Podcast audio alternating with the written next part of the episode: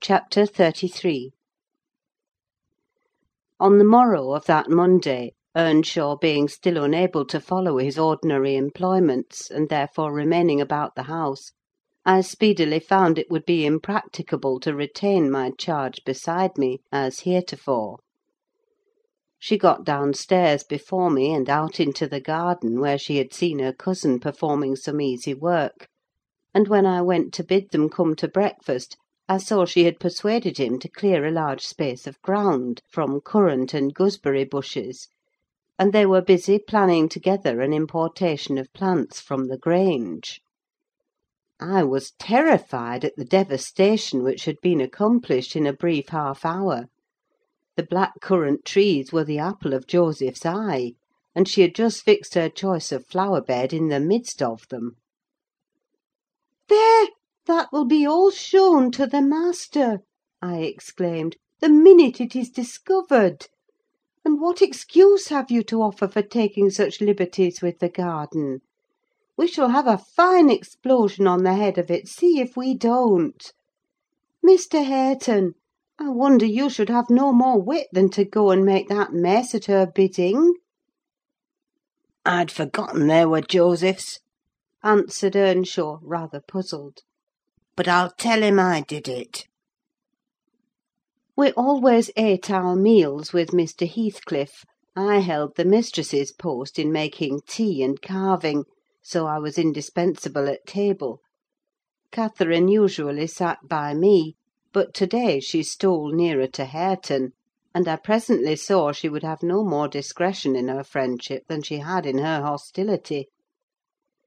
"Now mind you don't talk with and notice your cousin too much," were my whispered instructions as we entered the room. "It will certainly annoy Mr. Heathcliff, and he'll be mad at you both." "I'm not going to," she answered. The minute after, she had sidled to him, and was sticking primroses in his plate of porridge. He dared not speak to her there, he dared hardly look; and yet she went on teasing, till he was twice on the point of being provoked to laugh. I frowned, and then she glanced towards the master, whose mind was occupied on other subjects than his company, as his countenance evinced; and she grew serious for an instant, scrutinising him with deep gravity. Afterwards she turned, and recommenced her nonsense. At last Hareton uttered a smothered laugh. Mr. Heathcliff started; his eye rapidly surveyed our faces.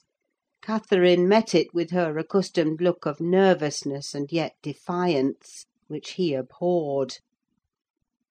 "It is well you are out of my reach!" he exclaimed. What fiend possesses you to stare back at me continually with those infernal eyes? Down with them! and don't remind me of your existence again. I thought I had cured you of laughing."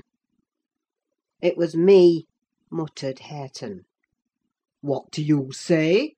demanded the master. Hareton looked at his plate, and did not repeat the confession. Mr. Heathcliff looked at him a bit, and then silently resumed his breakfast and his interrupted musing. We had nearly finished, and the two young people prudently shifted wider asunder, so I anticipated no further disturbance during that sitting; when Joseph appeared at the door, revealing by his quivering lip and furious eyes that the outrage committed on his precious shrubs was detected.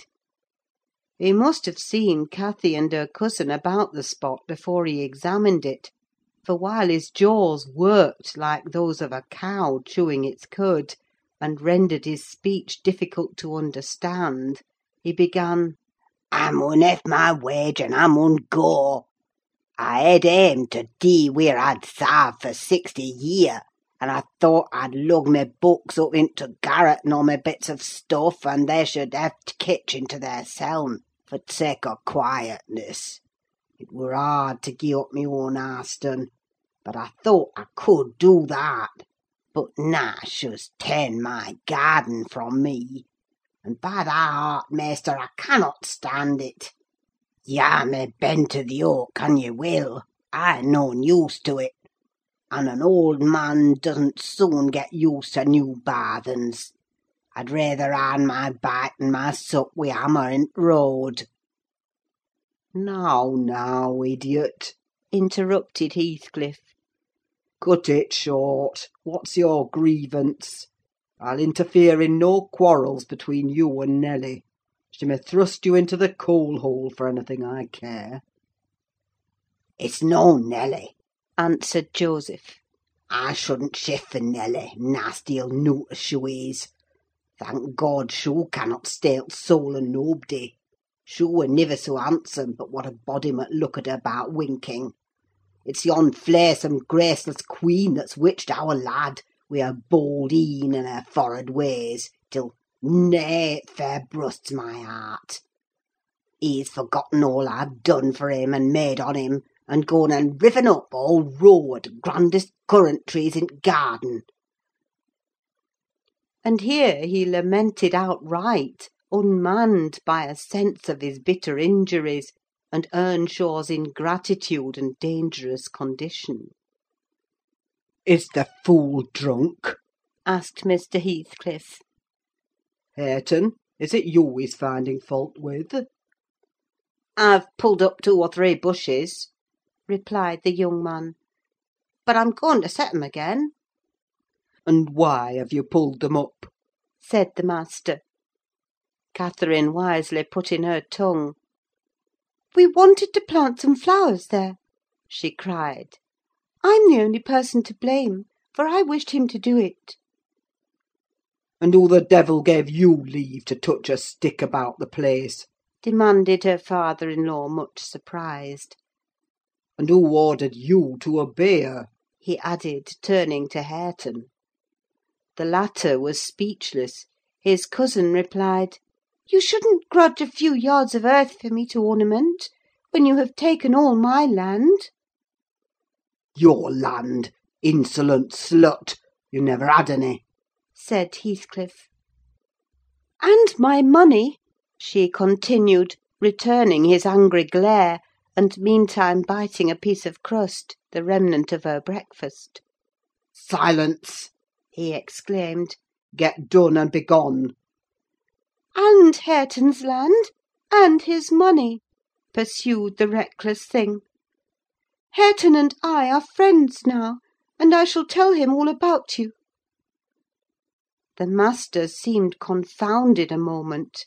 He grew pale and rose up, eyeing her all the while with an expression of mortal hate. "If you strike me, Hareton will strike you," she said; "so you may as well sit down." "If Hareton does not turn you out of the room, I'll strike him to hell!" thundered Heathcliff. "Damnable witch! Dare you pretend to rouse him against me? Off with her! Do you hear? Fling her into the kitchen! I'll kill her, Ellen Dean, if you let her come into my sight again!"